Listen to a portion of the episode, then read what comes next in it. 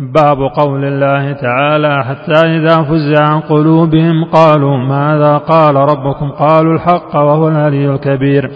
في الصحيح عن أبي هريرة رضي الله عنه عن النبي صلى الله عليه وسلم قال إذا قضى الله الأمر في السماء ضربت الملائكة بأجنحتها خضعانا لقوله كأنه سلسلة على صفوان ينفذهم ذلك. حتى إذا فزع عن قلوبهم قالوا ماذا قال ربكم؟ قالوا الحق وهو العلي الكبير. فيسمعها مسترق السمع ومسترق السمع هكذا بعضه فوق بعض. وصفه سفيان بن عيينة بكفه فحرفها وبدد بين أصابعه. فيسمع الكلمة فيلقيها إلى من تحته ثم يلقيها الآخر إلى من تحته حتى يلقيها على لسان الساحر أو الكاهن فربما أدركه الشهاب قبل أن يلقيها وربما ألقاها قبل أن يدركه فيكذب معها مئة كذبة فيقال أليس قد قال لنا يوم كذا كذا كذا وكذا. فيصدق بتلك الكلمة التي سمعت من السماء. وعن النواس بن سمعان رضي الله عنه قال قال رسول الله صلى الله عليه وسلم إذا أراد الله تعالى أن يوحي بالأمر تكلم بالوحي أخذت السماوات منه رجفة أو قال رعدة شديدة. خوفا من الله عز وجل فإذا سمع ذلك أهل السماوات صعقوا وخروا لله سجدا. فيكون أول من يرفع رأسه جبريل فيكلمه الله من وحيه بما أراد ثم يمر جبريل على الملائكة. كلما مر بسماع سأله ملائكتها ماذا قال ربنا يا جبريل؟ فيقول جبريل قال الحق وهو العلي الكبير. فيقولون كلهم مثل ما قال جبريل. فينتهي جبريل بالوحي إلى حيث أمره الله عز وجل.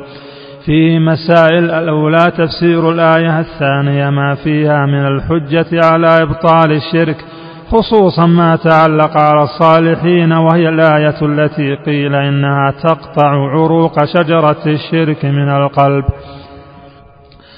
الثالثة تفسير قوله قالوا الحق وهو العلي الكبير. الرابعة سبب سؤالهم عن ذلك. الخامسة أن جبريل يجيبهم بعد ذلك بقوله قال كذا وكذا. السادسة ذكر أن أول من يرفع رأسه جبريل السابعة أنه يقول لأهل السماوات كلهم لأنهم يسألونه الثامنة أن الغشي يعم أهل السماوات كلهم التاسع ارتجاف السماوات لكلام الله. العاشرة أن جبريل هو الذي ينتهي بالوحي إلى حيث أمره الله. الحادية عشرة ذكر استراق الشياطين. الثانية عشرة صفة ركوب بعضهم بعضا. الثالثة عشرة إرسال الشهاب.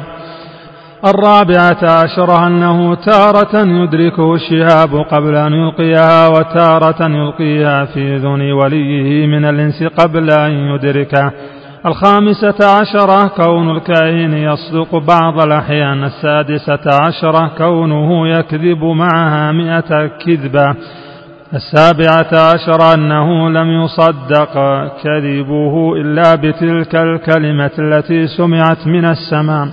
الثامنة عشرة قبول النفوس للباطل كيف يتعلقون بواحدة ولا يعتبرون بمئة كذبة.